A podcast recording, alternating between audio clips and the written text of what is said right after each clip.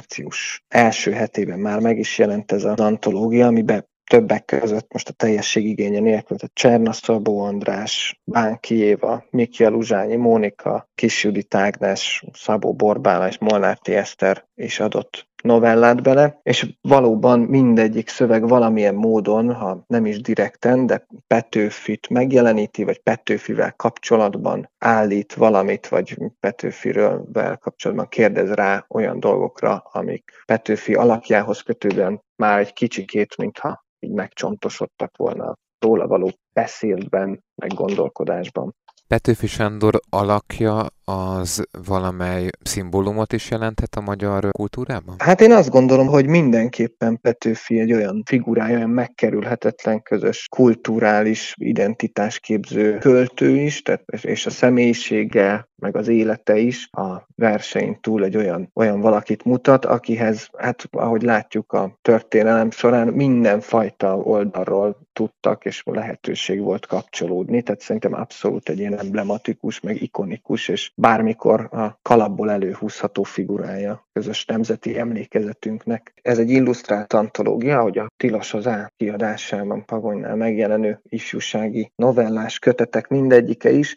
Herbst László illusztrációi, hát nyilván kapcsolódnak a, az adott szöveghez, tehát minden novellához tartozik egy teljes oldalas kép, és a borítót tekintve is nagyon klasszul kinéző kötetről van szó, de nyilván nem, nem volt egy szerkesztői oldalról, nem, nem volt egy ilyen irányelv, hogy adott novella adott részét kell illusztrálni, tehát szabad, szabad kezet kapott ebben Herbst László, úgyhogy hát annyiban kapcsolódik mindenképp hozzá, amennyiben a, az illusztrátor ezt jónak látta.